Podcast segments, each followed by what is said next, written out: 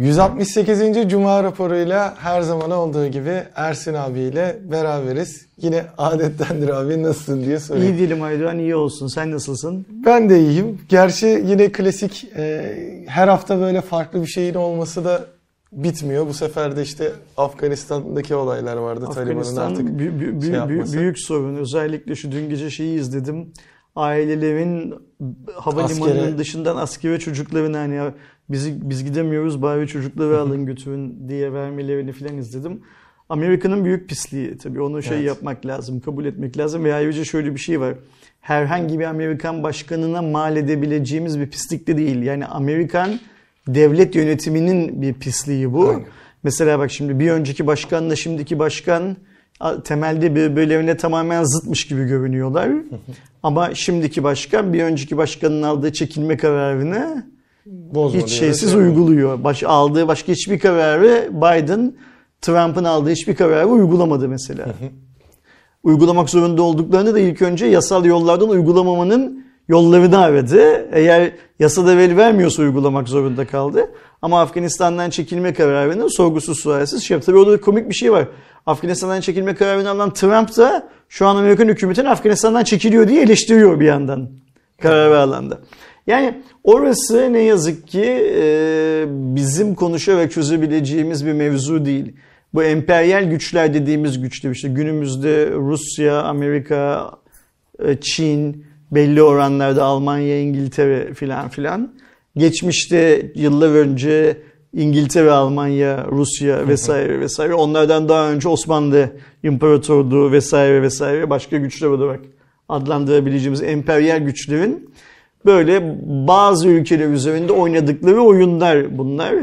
Ee, tarihin ne yazık ki her safhasında oynandı. Evet. Şu an Afganistan'da oynanıyor. Çok şey görüntüler. Yani hiçbir insanın siyasi görüşü ne olursa olsun hiçbir insanın şey yapamayacağı, kabul edemeyeceği görüntüler. Orada bir devlet var, orada bir halk var ve başka birileri o halkın kendi topraklarında yaşama hakkını öyle ya da böyle zehir ediyor. Evet. Ee, ve işte bunu oraya demokrasi götürdük bilmem ne yaptık falan ayağına yapıyorlar ayrıca işin kö- en kötüsü. de. Şimdi bir de şeyde ikiye bölünme var. İşte Taliban terör örgütü mü, oranın e, direniş örgütü mü falan filan diye. Bizim mesela e, anladığım kadarıyla hükümet biraz daha o ılımlı yaklaşıyor. Hani şey yapmıyor. Ama diğer taraftan farklı görenler de var. Şimdi Taliban bundan yıllarca önce dünya mirası olan Afganistan'daki heykelleri gözü kırpmadan e, bombalayıp yok eden bir e, oluşum. Taliban kadınları canlı canlı e, toprağa gömebilen bir o şey ne derler zihniyet. Böyle bir zihniyetin ne mal olduğunu konuşmaya şey yok. Çok Aynen fazla gerek yok. Buradaki en korkulacak olan şey şu. e, işte biz zamanında yine Taliban'a benzer bir dünyevi görüşü olan IŞİD'in iki tane Türk askerine neler yaptığını videolarını görmüştük. Şimdi Türk askeri o havalimanında Evet. görev alıyor, görev alacak. Türkiye buna gönüllü. İnşallah o Taliban denilen serseri yığını Türk askerine şey yapmaz, ilişmez. Bir de ülkede hiçbir derdimiz yokken eee, oradaki havalimanını korumak konusunda gönüllü olan hükümetin oraya gönderdiği askerlerimiz için üzülür hale gelmeyelim, Evet, dertli hani- gelmeyelim. şeyi e, konfirme etmediğim bir şey olarak özellikle sosyal medyada da şey de paylaşıldı. Hani orada olan bir askerin e, burada unutulduk gibi hiçbir şekilde destek olmuyor tarzı bir yazısı vardı. Hani ne kadar doğru ne kadar yanlış bilmiyorum. Tabii oradaki gönderdikleri askerleri de hani illaki bir e, kontak halindedir e, buradaki şeyde. Şimdi benim bildiğim kadarıyla e, Türkiye Cumhuriyeti'nin sınır ötesi bir yere asker gönderdiği zaman nereye asker gönderdiğini açıklaması lazım. Mesela biz şu anda Afrika'da hangi ülkelerde Türk askerinin olduğunu, kaç tane olduğunu, hangi amaçta orada olduğunu bilmiyoruz. Ayrıca e, bu Kuzey Irak olarak isimlendirilen bölgede de askerimiz olduğunu biliyoruz ama kaç tane askerimiz Evet. olduğunu bilmiyoruz. Keza Afganistan'da ya da başka yerlerde de Afga- askerimiz var mı yok mu onu da bilmiyoruz. E, bu tabii ki e, aklımızdaki ideal yönetim şekli değil. Yani e, ideal yönetim şekli askerimizin nerede ne yaptığını vatandaşın biliyor olması. E, diyecekler ki şimdi vatandaşın üstüne vazife mi bu? E, vatandaşın üstüne vazife tabii ki adı üstünde vatandaş. Bu Yani. vatanın sahibi, bu vatanın şeyi yani vatandaş. Öyle aynen öyle.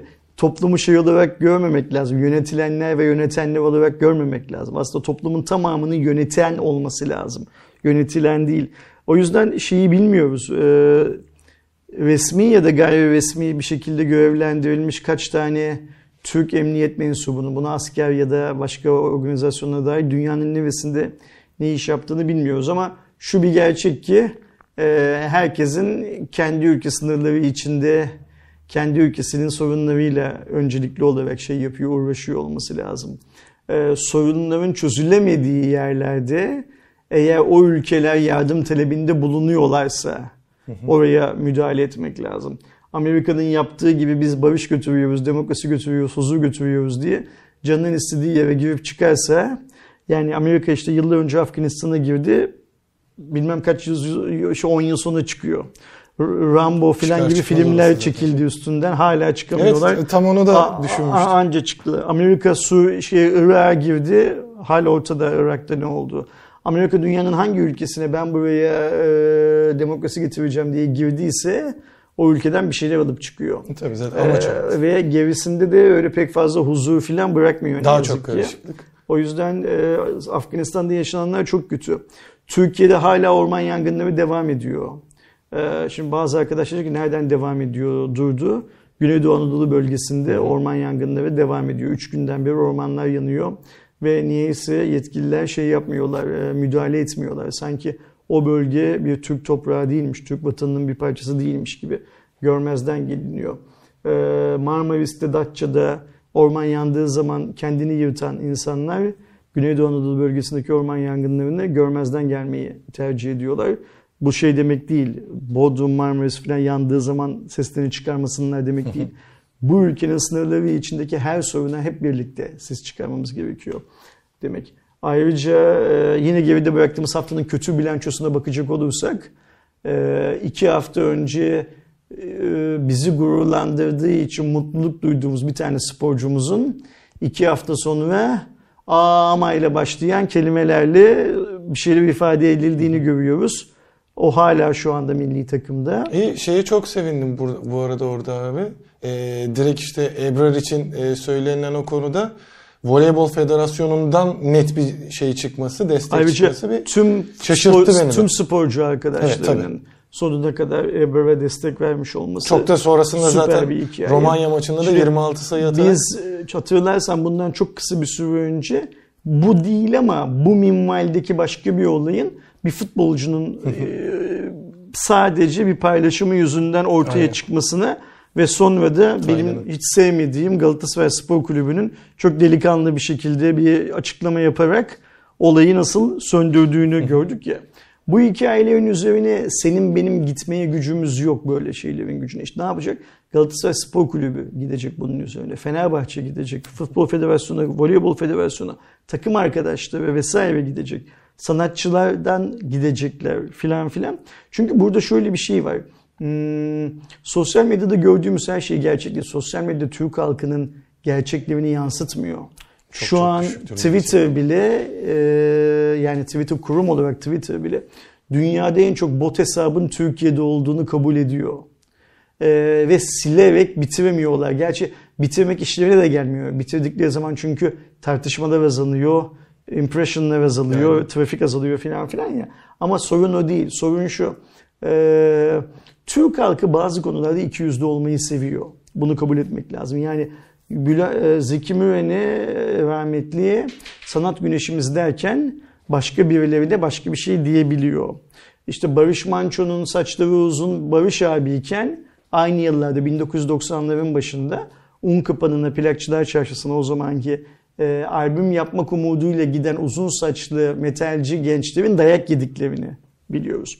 Ya da Türkiye'nin başka şehirlerine İstanbul'dan, Ankara'dan, İzmir'den gidip saçlarını uzatan erkek çocuklarının tehdit edildiklerini falan biliyoruz. Ama o tehdit edenler her pazar günü televizyonun karşısına geçip her pazar sabahı Barış Manço'nun programını izliyorlardı. Ve Barış Manço abiyle videonun, Barış abiyle bir filandı. O yüzden Türk halkının bu 200 lira olduğu bazı durumlardaki şeylerini Türk halkının suratına vurmak gerekiyor ki şey yapabilsin. Neyin ne olduğunu anlayabilsin. Başka türlü e, şey değiliz. Hmm, eğitim seviyemiz ne yazık ki çok iyi noktalarda değil. Yani 1980'ler sonrası çok iyi bir okuma yazma seferberliği yapıldı ülkede. Gerçekten birçok yaşlı insan yani o güne göre yaşlı insan okuma yazma öğrendi filan da okuma alışkanlığını edinemedik hala. Evet. Okuduğumuz her şeyin doğru olmadığını anlayabilecek şeye gelemedik hala. Ne derler? Seviyeye gelemedik hala. Ee, bizim daha çok yüksek öğrenime ihtiyacımız var Türkiye'de. Yani e, tabii ki yüksek öğrenime giden yol ilk öğrenim, orta öğrenimden filan geçiyor da yüksek öğrenim seviyesinde daha çok şeye ihtiyacımız var. Diplomalı insana ihtiyacımız Ama var. Ve bunlar da, da tabii e, şeyde de daha geçen gün e, Kemalettin abiyle yine Ersin abi bir video çekti. Onun da şey gelecek. Ondan önce konuştuğumuz gibi hani o E5 üniversiteleri ha, gibi, apartman üniversiteleri gibi üniversitelerde daha de çok lazım. yüksek öğrenimli insanı E5 üniversitesi dediğimiz üniversitelerle sağlayamayız. E5 üniversiteleri karton şeyler gibi, kaleler gibi. Ee, ne yazık ki o üniversiteden mezun olan birçok arkadaşımız e, diplomadan başka bir şeye sahip olmuyorlar günümüzde. Bizim daha kaliteli eğitim veren kurumlara ihtiyacımız var. Nedir o daha kaliteli eğitim veren kurumlar? İşte bir ODTÜ'ye ihtiyacımız var. Bir tane daha İTÜ'ye ihtiyacımız var. Boğaziçi Üniversitesi'ne ihtiyacımız var. Hacettepe'ye ihtiyacımız İstanbul var. Üniversitesi. İstanbul Üniversitesi gibi kurumlara Marmara. ihtiyacımız var. Şimdi arkadaşlarımız diyecekler ki benim burada unuttuklarım da vardı. Tabii canım Anadolu falan filan Mesela çok fazla işte, var. Atıyorum Kayseri'den bir arkadaşımız diyecektir ki abi Kayseri'de Hacettepe kıvamında, Boğaziçi kıvamında, ODTÜ kıvamında bir okul vardı da biz mi gitmedik diyecektir. İşte tam olarak onu söylüyorum. Bu statüdeki okulların Kayseri'de de olması gerekiyor. Erzincan'da da, Erzurum'da da, Şırnak'ta da, Hatay'da da. Atatürk en azından oradaki mesela en önemli şeylerden biri. Türkiye'nin her yerinde olması gerekiyor. Zaten insan bir de şöyle bir oksimoron bir durum var siz insanları ülkenin bir ucundan Ankara'ya, İstanbul'a, İzmir'e üniversite eğitimi için getirip 4 yılda üniversite okuduktan sonra tekrar şehirlerine geriye dönmelerini bekleyemezsiniz zaten. Yani niye eğitimin en iyisi Ankara'da, İstanbul'da, İzmir'de olsun? Niye tıbbın en iyisi Ankara'da, İstanbul'da, İzmir'de olsun? Ee, bir hükümetin görevi, sadece şu anki hükümet değil, bugüne kadar gelen tüm hükümetlerin görevi. Bu hizmetleri ülkenin kaç tane şehri varsa o kadar şehrine yaymak tabii. Evet. Eskiden 67 değil 67 şehir. Şimdi 85-81 şehirde bunları yaymak gerekiyor. Ve E5 Üniversitesi kalitesinde değil. Ne diyoruz? Boğaziçi kalitesinde, ODTÜ kalitesinde, İTÜ kalitesinde, Hacettepe, İstanbul Üniversitesi, zıvır kalitesinde yaymak lazım. Yoksa üniversite sayımızın artması bir şey ifade etmiyor. Üniversite mezunumuzun da artması, üniversite mezunlarının sayısının da artması çok fazla bir şey ifade etmiyor. Bu şu demek değil herkes kendi mezun olduğu bölümle ilgili bir iş yapacak değil. Üniversite bir ihtisas alanı yani bunu unutmamak lazım. Üniversiteden biz eğitimli insan mezun etmek zorundayız. Eğitimde olmayan insanın üniversiteden mezun olması bir şey ifade etmiyor. Yani gördüğünü tartacak, doğruluğunu sorgulayacak, araştıracak, neye niçin inandığını savunabilecek, kendi bir görüşü olan, yani birisinin kıçına takılıp onun peşinden gitmeyen, kendi bir görüşü olan Ha e, piyasadaki popüler görüşlerden herhangi birisine de mail ediyorsa kendi fikriyle birlikte mail edecek adamlara ihtiyacımız Eskilerde var. Eskilerde o e, el üstüne tutulan işte okumuş adam şeyi. Aynen öyle yani. Şimdi bu yok Türkiye'de. Bu olmayınca da böyle bir yığın e, gevşek gevşek işler oluyor ülkenin içinde. E, o yüzden de yani iyi durumda değiliz. Ben onu söyleyeyim. Yani dünyanın şu anda gözü Afganistan'ın üstünde. Afganistan'da da işte bir iyiye gitmeyecek göründüğü kadarıyla ne yazık ki. Ee, Afganistan'daki insanların bir yerlere gitmesi sonuç değil. İşi çözmeyecek. Yani böyle bir çözüm yok dünyada. Bugüne Tabii. kadar bu hiçbir şeye çözüm olmadı. Bugünden sonra da olmayacak. Dünyanın e, değişebilmesi için ülkelerin kendi başlarında güçlü olmaları ve değişebilmeleri gerekiyor. Yani sen dünyanın ilk 5 ekonomisiyle ondan sonraki 50 ekonomisi arasında 100 misli fark varsa dünyanın en zengin 5 ülkesiyle onlardan sonraki zenginlik sırasındaki 50 tane ülkenin toplamı birbirine eşit değilse o zaman o 5 tanenin çaldığı davul dinlenir dünyanın her yerinde. Türkiye'ye bunu şey yaparsan ne derler e, ölçeklendirirsen Türkiye'de işler ahbap çavuş ilişkisiyle yönetildiği sürece bizim Aydoğan var Aydoğan'ın yeni milletvekiliymiş ona oy verelim Aydoğan'ın amcası muhtarmış ona oy verelim filan mantığıyla bu işler şey yapıldığı sürece e, yönetildiği sürece Türkiye'de de biz işte bu yıl orman yangınlarını konuşuyoruz. Orman yangınlarından bir hafta sonra seli konuşuyoruz. Üç gün sonra ülkenin hiçbir başka derdi yokmuş gibi e, voleybol takımını başarıya koşturan bir tane arkadaşımızın cinsel tercihlerini konuşuyoruz. İnsan ömrü lak lakla geçiyor ya evet. konuşmayı sever insan ömrü. Cahiller daha çok konuşmayı severler şey anlıyor. Çünkü konuşacak malzeme bol. Akıllı adam oturup şeyi konuşmaz. Voleybolcunun cinsel tercihini konuşmaz zaten. Sana şey, ne der? Aynen öyle. Sana bana ne der yani en kötü ihtimalle. O yüzden e, akıllı adama ihtiyacımız var. Akıllı adamların sayısı arttıkça bu rahatsız olduğumuz her şey buna e, orman yangını da dahil, sel baskıda da dahil her şeyin sayısının azalacağını şey yapıyor. Bak farkındaysan yaklaşık yarım saattir konuşuyoruz. Evet. Daha kadın sorununa falan gelemedik. Yani o kadar çok sorun var ki. Bitmiyor. Aynen öyle yani e, yapacak hiçbir şey yok şu anda. Oturup izliyorsun sadece. Güç gücün bu kadarına yetiyor. Aynen. Ve konuşuyorsun. Ne diyorsun? Yani ya, ne diyoruz? Ya kadınlara saygı göstermeniz lazım diyoruz. Bu kadar basit. Kadınlara saygı göstermeniz lazım. Yani her Kimsenin... şeyde söylenen e, şey bir de bu. E, hani bu işin dini, dini, ırkı da yok, şey de yok, anlayışı da yok, inançla da şey değil. Hepsinde insanlara iyi davranmak, iyi insan olmak. Kimsenin cinsel tercihi seni beni ilgilendirmez diyoruz değil mi? Ondan sonra kalkıp Taliban'la benim aynı olduğumu düşünemeyiz. Taliban kadınları öldürüyor. Ben herhangi bir kadının öldürülmesinden yana hiçbir tercihte bulunmadım bugüne kadar. Bugünden sonra da bulunmayacağım büyük bir ihtimalle. Sadece kadın olduğu için bilmem ne olduğu için falan. O yüzden yani yani Türk halkıyla Taliban birbirine yakınmış. Yok hiç yakın değiliz. Benim gördüğüm ben İstanbul'da doğdum büyüdüm. 48 yaşındayım. Ben bugüne kadar çevremde hiç kimsenin bir başkasının karısı için, bir başkasının kızı için ya da kendi karısı, kendi kızı için şunu da öldürelim, canlı canlı toprağın altına gömelim, gömelim kafasını taşlayalım bilmem ne filan dediğini görmedim. Yani o yüzden aynı değiliz bence. Ee, aynı olmamalıyız da zaten. Aynı olamayız da zaten. Yani e, ülkelerin adının cumhuriyet olması e, aynı ülkeler olduğu anlamına gelmiyor. Taliban'la hiçbir alakamız yok. Afganistan'la bazı tarihi şeylerimiz var ne derler ortak noktalarımız var. Kurtuluş Savaşı sırasında bize destek çıkmışlar. Ee, o zamanki ülkenin yöneticisi olan bu bazı demokratik atılımlar yaptığını zat söylenen zatı muhterem. Ama biz Tali Afganistan'da sınır komşusu falan değiliz. Bunu unutmamak lazım. Afganistan'la Türkiye arasında muazzam bir ticaret de yok. En azından resmi ticaret yok. Yani evet. gayri resmisi var. Onu zaten Interpol de biliyor, Türk e, Emniyeti de biliyor filan da resmi bir şeyimiz yok. Ticaretimiz de yok çok fazla. Yani bizim Afganlara filan bence öyle kucak açıp sahip çıkmamız filan çok fazla gerekmiyor. Şu tabii ki bir devlet politikası olarak belirlenir. Tüm medeni devletlerin belirlendiği gibi. Senin bir göçmen politikan olur. O göçmen politikana göre kimin gelip kimin gelmeyeceğini, hangi ülkeden kaç tane geleni alacağını, hangi vasıflara göre insanları alacağını falan karar verirsin. direkt ona göre veriyor.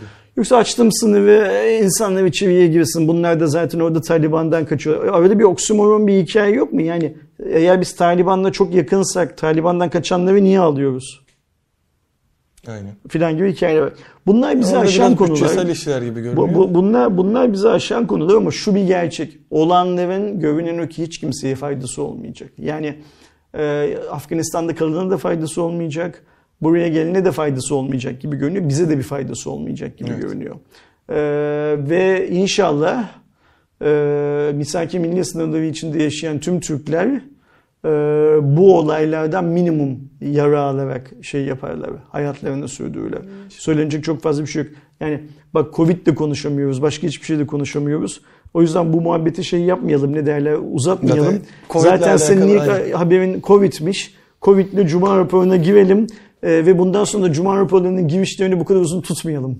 E, İstemsizce gel- normalde hep kısa kısa geçiyorduk Der- der- ama dertleşiyor değil mi Yeni, insan? yeni yeni bir şey çıkıyor çünkü hiç Yani bitmiyor. O kadar, İlla ki de o, o, kadar çok sıkıntı birikiyor ki insanda gaz yapıyor böyle Aynen. boşaltmak gerekiyor resmen ne yazık ki. Allah bizi Allah bizi bu durumdan da kurtarsın.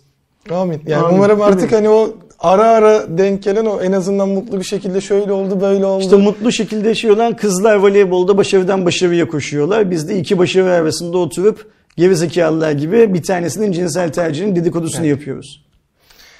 İlk haberimize geçtiğimde e, aşı kısıtlaması ile alakalı Cumhurbaşkanı Erdoğan bir açıklama yaptı. E, 6 Eylül'de okulların yüz yüze eğitimle kesinlikle açılacağının altı çizildi. Aynı zamanda e, eğitimin her kademesinde yüz yüze eğitim başlıyormuş. Yani üniversitelerde, lisede, klasik ilkokullarda hepsi e, açılacak. E, ama şu anda e, kafalarda soru işareti olan işte aşılar, aşısızlar gibi de hani zaten e, yıllardır olan bir e, ülke içerisindeki ayrım yetmiyormuş gibi şu anda istemsiz bir aşılı aşısız ayrımımız var. Burada da özellikle öğretmen, e, öğrenciler başta olmak üzere okullarda e, aşı olmak istemeyenlere sonuçta şu anda bir zorunluluk yok e, aşıda. Olmak istemeyenler için düzenli bir PCR testi hatta bunun konser e, işte etkinliklerde falan da yapılacağı yani işte sen oraya gitmeden önce yine yurt dışında ya da uçağa bineceğin zaman gerçi şu anda sadece o yurt dışı için geçerli ama işte son 48 saatte alınan falan PCR testi gibi ücretsiz yapılacak olan e, bir PCR testi e, zorunluluğu geleceğini söyledi. Şimdi burada kuralları koymak çok güzel. Kuralların olması lazım. Bu kuralların uygulanmasını da sağlayabilmek lazım. Kurallar uygulanmadıktan sonra çok bir şeydi. Mesela şimdi ben Cumhurbaşkanı'nın yaptığı bu açıklamadan şunu anlıyorum. Bizim başta öğretmen olmak üzere eğitim personelimizde hala aşısı tamamlanmayan kadrolarımız var demek ki değil mi? İstemeyenler var mesela en başta. E, Şimdi biz tıp doktorlarının tamamını istediğini, istediğini istemediğine bakmadan aşıladık değil mi? Sanırım evet. Hava yolu çalışanlarının tamamını aşıladık. Emniyet güçlerinin tamamını aşıladık bildiğim kadarıyla. İstiyor musun istiyor musun falan diye sormadık bu adamların hiçbirisine. yani bildiğim Askerler vesaire vesaire yani Yani profesyonel varsa askerler bilen yazsın filan filan öyle. O zaman mesela öğretmenlere ve işte diğer okul çalışanlarına niye böyle bir seçme hakkı bıraktık? İsteyen olsun isteyen olmasın diye. Ki ilk zaten aşılamadaki kişiler hani e, sağlık çalışanları ve öğretmenlerdi. Yani onu ben de şu anda şey olarak anlayayım. Yani e, şimdi ücretsiz PCR testi uygulanabilir bir form mu? Sanmıyorum ben çok fazla uygulanabilir bir formu. Çünkü e, eğri oturup doğru konuşmak lazım. Şu anda Türkiye Cumhuriyeti Devleti'nin ücretsiz PCR testini uzun vadeli yapabilecek parası var mı? düzenli yani aynen. Düzenli olarak böyle bir parası var mı mesela? Hatırlıyorsan pandeminin ilk başladığı günlerde e, devlet maske de dağıtmaya kalktı. Ben maske alamadım mesela o, o şeyde. Ben benim PTT'den söylediğim gelmedi. Eczaneden bir kere aldım. Okey. Yani bir şeyleri yapıyor gibi görünmekle bir şeyleri gerçekten yapmak arasındaki farkı da biliyor olmamız lazım. Şimdi e, mesela şey çok güzel. Ben Sayın Cumhurbaşkanı'nın söylediği her şeyin uygulanabilirliği konusunda hiçbir şeyim yok, derdim yok. Bunlar yapılsın. Ne diyor Sayın Cumhurbaşkanı? Diyor ki eğitime kesinlikle başlayacağız diyor. Bu çok güzel bir şey. Eğitime zaten ara verilemez. Yani böyle bir şey yok. Bak mesela Almanya eğitime ara vermedi. Bu geçtiğimiz süreçte de vermedi. Ben Almanya'da bütün geçen kış boyunca fotoğraflar gördüm. Çocuklar sınıflarda camlar açık oturuyorlar. Kabanlarıyla, montlarıyla dışarıda kar yağıyor. Cam niye açık? Sadece temiz hava girsin. İçeride işte bir e, nefes almayla oluşabilecek bir virüs dağıtımı falan varsa onu biraz negatif etkilesin, azaltsın falan diye. E, eğitime ara verdiğin zaman geleceğine de ara veriyorsun çünkü. Evet. Bu çocuklar ister istemez büyüyecekler, üniversiteye gidecekler, o sınava girecekler Evet. filan. Şu an geçen sene bir yıl gibi çok Kara tablo var. çizmeyelim ama şu an bu eğitim ara verilen çocukların hmm, üniversite sınavındaki başarıları konusunda çok benim kafamda ciddi şeyler var, soru işaretleri. var. Eğitime ara verilemez. O yüzden Sayın Cumhurbaşkanı'nı tebrik ediyorum böyle bir karar aldığı için. Keşke biz geçen yıl da gerekli önlemleri alabilip eğitime ara vermeseydik. O ayrı mevzu. Ne diyor? Uçak yolculukları, konser, tiyatro gibi insanların bir araya geldirdiği ortamlarda da düzenli PCR testini devreye sokacağız diyor. Çok mantıklı. Tabii ki olsun. Aşı Yani- olmadıysan şey Aynen öyle. virüse sahip olmadığını gösteriyor. Olsun. Ama bu önlemleri uygulayabilecek miyiz? Bir de burada şöyle bir şey var Aydoğan. Biz aşı olduğumuzu kanıtlamakla mü- mükellefiz ya bu sistemde. Ben gittim aşı oldum bunu kanıtlamakla bir daha mükellef olmamalıyım. Aşı olmayana devletin bir sınırlama getirmesi gerekmiyor mu? Evet zaten hani PCR testi burada aşı olmayanlar için geçerli. Biz değil. Ha öyle mi yani? Evet. Biz biz aşı olanlar bu e, uçak yolculukları, konser, tiyatro filan Yok gibi durumları... PCR'a gerek yok. Sadece Ha, olmayanlar okey, için. tamam, şimdi oldu. Zaten şimdi oldu. e, şeyi fark ettim. Hatta e, geçtiğimiz hafta e, fark etmiştim. Yanlış hatırlamıyorsam Doğuş'ta da konuşmuştuk konu şey olduğunda. Hayat Hevesi ara bir güncelleme geldi. HES kodunda artık aşı durumun e, hastalığı geçirip geçirmemen gibi birçok etmen de görünüyor. Peki bu aşı kartı Doğuş'un kameranın arkasına söylüyor. Aşı kartı e, Hayat ve Sağ uygulamasındaki güncelleme uluslararası bir geçerliliği de olan şey mi? E, o da iki gün önce mi ya da bir gün önce maksimum Avrupa Birliği Türkiye'ye e, aşı kartını kabul ettiğini Olması söyledi. gereken bu zaten. Bu haberleri anlatırken insanları da böyle anlatmak lazım. Aşı olmayanlardan bu yükümlülük istenecek diye. Ya aşı Hatta olmayan burada tabii şey tepkileri de başladı. Belki e, şimdi hani aşıda 18 yaş sınırımız var ya. O sınırı aşağı düşürdüler ya da isteğe bağlı hale getirdiler galiba. Mesela atıyorum lise öğrencilerini de belki okullar başlamadan önce tamamen aşılamak gerekecek. 18 yaşının altında olanları da yani zorunlu değil ama bu çocuklar Eylül'den Haziran'a kadar yan yana oturacaklar ve birbirlerine bir şeyler bulaştırma ihtimalleri var. Çok dikkatli olmak gerekiyor. Yani bu şey demek değil artık. Şundan geçelim. Hiçbirimiz evde oturup e, koronavirüs geçsin diye bekleyebilecek durumda değiliz. Yani çalışmamız gerekiyor bilmem ne filan filan ama kendimizi zaten çok kapattık eve iş yerine filan. İnsanlar dışarıya çıkmak istiyor ve çıkacaklar. Evet. Ama dışarıya çıktığın zaman da ya da vatandaş dışarıya çıktığı zaman da vatandaşın virüs kapmayacağı önlemleri almak hükümetin görevi. Şu Sayın Cumhurbaşkanı'nın çizdiği bu şey, bu norm e, makul ve mantıklı bir norm. Ne zamana kadar? Uygulanabilirliği olduğu sürece makul ve mantıklı bir norm. Şimdi ben burada bir şey söyleyeceğim ondan sonra bir sonraki haberimize geçelim. Hatırlıyorsan biz bunu daha önce de konuştuk. Sadece o örneği verelim. Geçen yıl Türkiye'deki futbol maçlarına seyirci alınması yasaktı. Ve biz televizyondan futbol maçı izlerken tribünlerde dağılsalar fark etmeyeceğimiz kadar insanın yan yana oturup maç izlediğini gördüm. Ve sonrasında stadyumda çekilen fotoğraflara bakışa kabataslak bir sayım yaptığım zaman ben ortalama 1000-1500 kişi falan gibi insanın her maçta olduğunu gördüm. Stadyumlarda maç izlemenin yasak olduğu bir ortamda bile stadyuma 1500 kişi girebiliyorsa bu PCR testi hikayesini Türkiye'de uygulamak çok kolay bir iş olmayacak. Ya şey de okey. Ee, ben burada söylenenlerde tam da onu ben de düşünüyordum. Büyük ihtimal uçak yolculuklarında orada çok fazla katman olduğu için orada çok rahat uygulanıyor. Şu anda da olduğu gibi. HES kodunu direkt şey yapıyorsunuz. Ama e, birçok mekanda mesela özellikle AVM içinde değilse ya HES kodu sormayan çok yer oluyor sorması gerekmesi Öyle mi? rağmen. Ya ben çok fark ediyorum, görüyorum. E, burada da mesela e, bazı böyle şeyler illaki olacaktır. Ben o kadar yere gidip geliyorum ki bana ben HES kodu göstermeyi falan unutuyorum. Mesela işte geçen gün hatırlıyorsun iki gün önce lansmana gittik seninle. Otelin girişinde HES kodu sordular. Şaşırdım hani. HES kodu benim hayatımda okuyor. Çünkü ben evden işe işten eve falan gelip gidiyorum. Ee, ve bana her yerde soruyorlar, uyuyorlar falan gibi geliyor. Ama sen uyulmadığını söylüyorsun. Yani özellikle küçük mekanda şeydir falan filan özellikle mesela yazlık yerlerde e, bu biraz daha şey oluyor, e, az oluyor. Ya da dikkatsizce yapılabiliyor. Yani şeydir hani sonuçta belli örnek veriyorum bir konsere biletsiz giremezsin. Ama sonuçta işte ya da o e, maçlara giremezsin dediğin gibi. Orada girebilen ufak tefek şeyler varsa davetiye usulü işte sanatçının yakını, mekanın sahibinin yakını, oradaki güvenliğin yakını girebiliyorsa oradaki güvenlik de zaten adama yine geç diyebilir. Şeyse tanıdıysa. Hani böyle ufak tefek şeyler, nüanslar hep olacaktır zaten.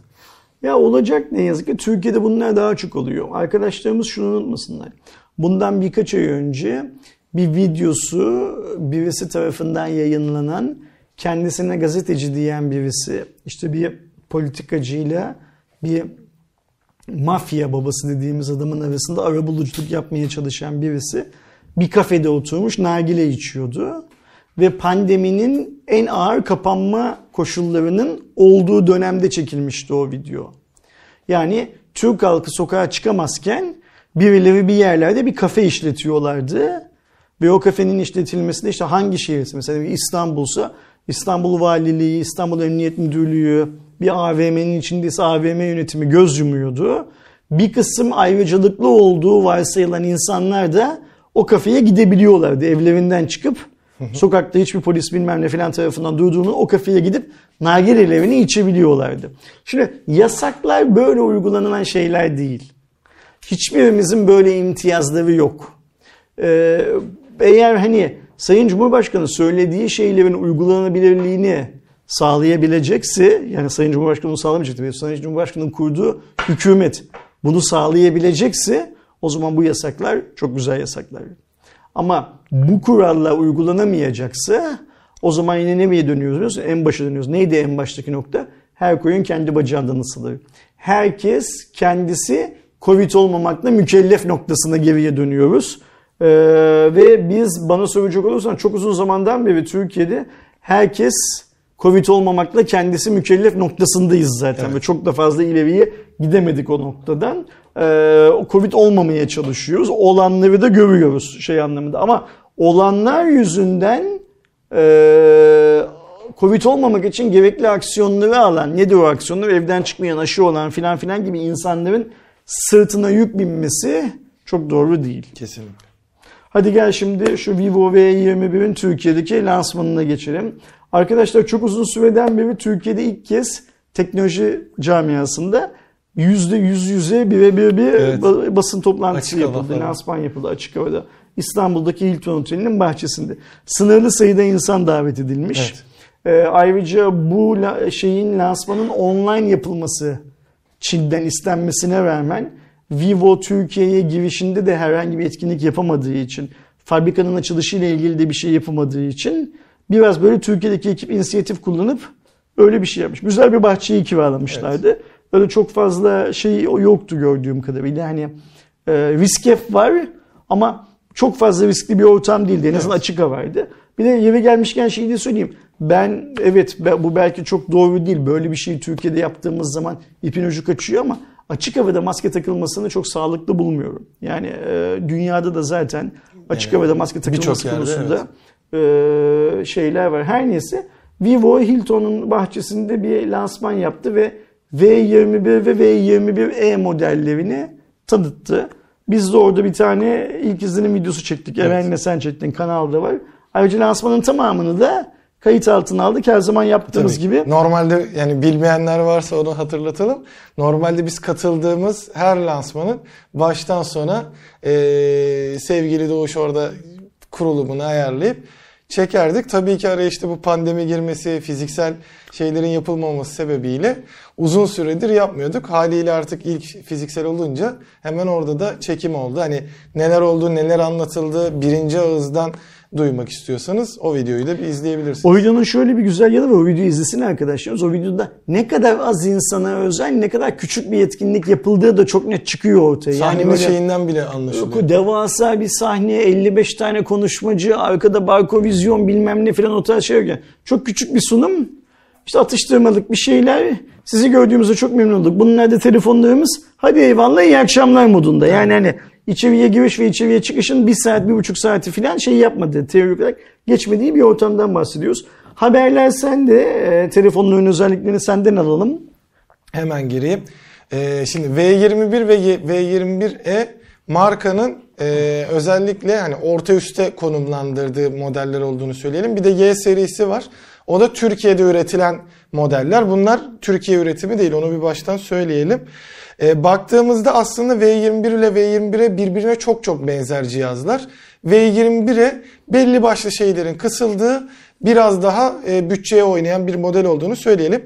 Baktığımızda V21 7.3, V21'e 7.4 mm inceliğinde. Ağırlıklara baktığımızda V21 176, e, V21'e 171 gramlık bir ağırlığa sahip. Ekranların her ikisi de 6.44 inç Full HD Plus AMOLED HDR destekli ekranlar. Burada V21'de 90 Hz tazeleme hızı varken E'de yok. Bir de V21'i çok az daha böyle çerçeveleri ince hissettiriyordu elimize aldığımızda.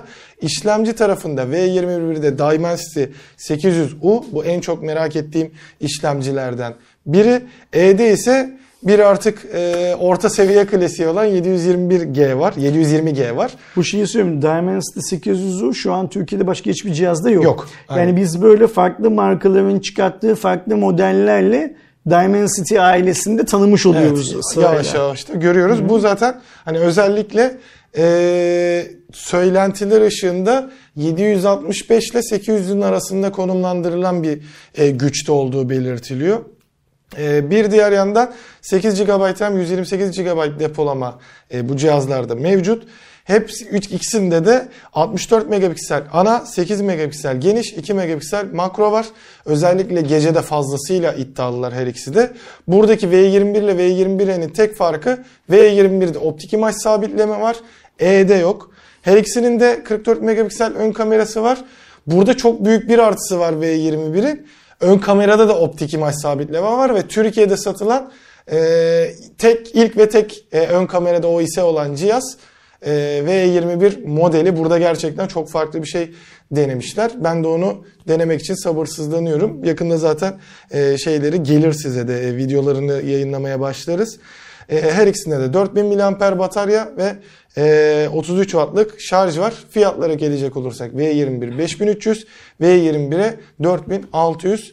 E, cam arka yüzeyli mat gerçekten her rengi de zaten ikişer farklı renkle gelmişler Türkiye'ye. Siyah ve e, alacalı renkleri bulunan şey mi? İkisi de çok güzel renkleri var.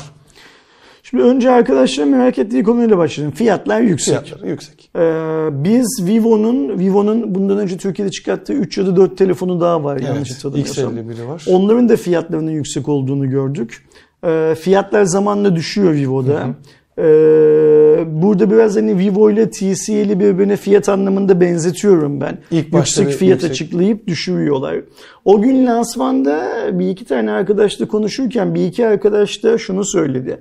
Samsung'un yaptığı gibi kendi web sitesinde pahalı, pazar yerlerinde daha ucuz satmayı planlıyorlar bence filan gibisinden bir yorum yapıldı. Bunu takip ederiz zaman içinde. Yani arkadaşlarımız bu 5300 ve 4600 liralık fiyatların nasıl bir e, değişime uğradıklarını biz takip ederiz. Arkadaşlar da takip etsinler. Bence bu fiyatların e, pazarda rekabetçi fiyatlar olmadığını şeyler de çok iyi biliyor. E, Vivo Türkiye'deki arkadaşlar da çok çok iyi biliyor. İkincisi şu senin bahsettiğin kamera hikayesi. E, ben merakla bekliyorum V21 ofise gelsin de şu dörtlü kamera kıyaslamamızda ön arka kamerasını V21'in her şeyle kıyaslayalım. Yani e, 5300 lira olan telefonlarla da daha pahalılarla da daha ucuzlarla da filan. İşlemciyi kıyaslayalım. İslamcı bazında ortak olanlar, biraz az düşük, biraz iyi olanlarla filan. Bu şeyi çok merak ediyorum. Kamera yeterliliği gerçekten işlemciyle alakasız bir şekilde çözülebilecek mi? Yani söylemeye çalıştığım şey şu.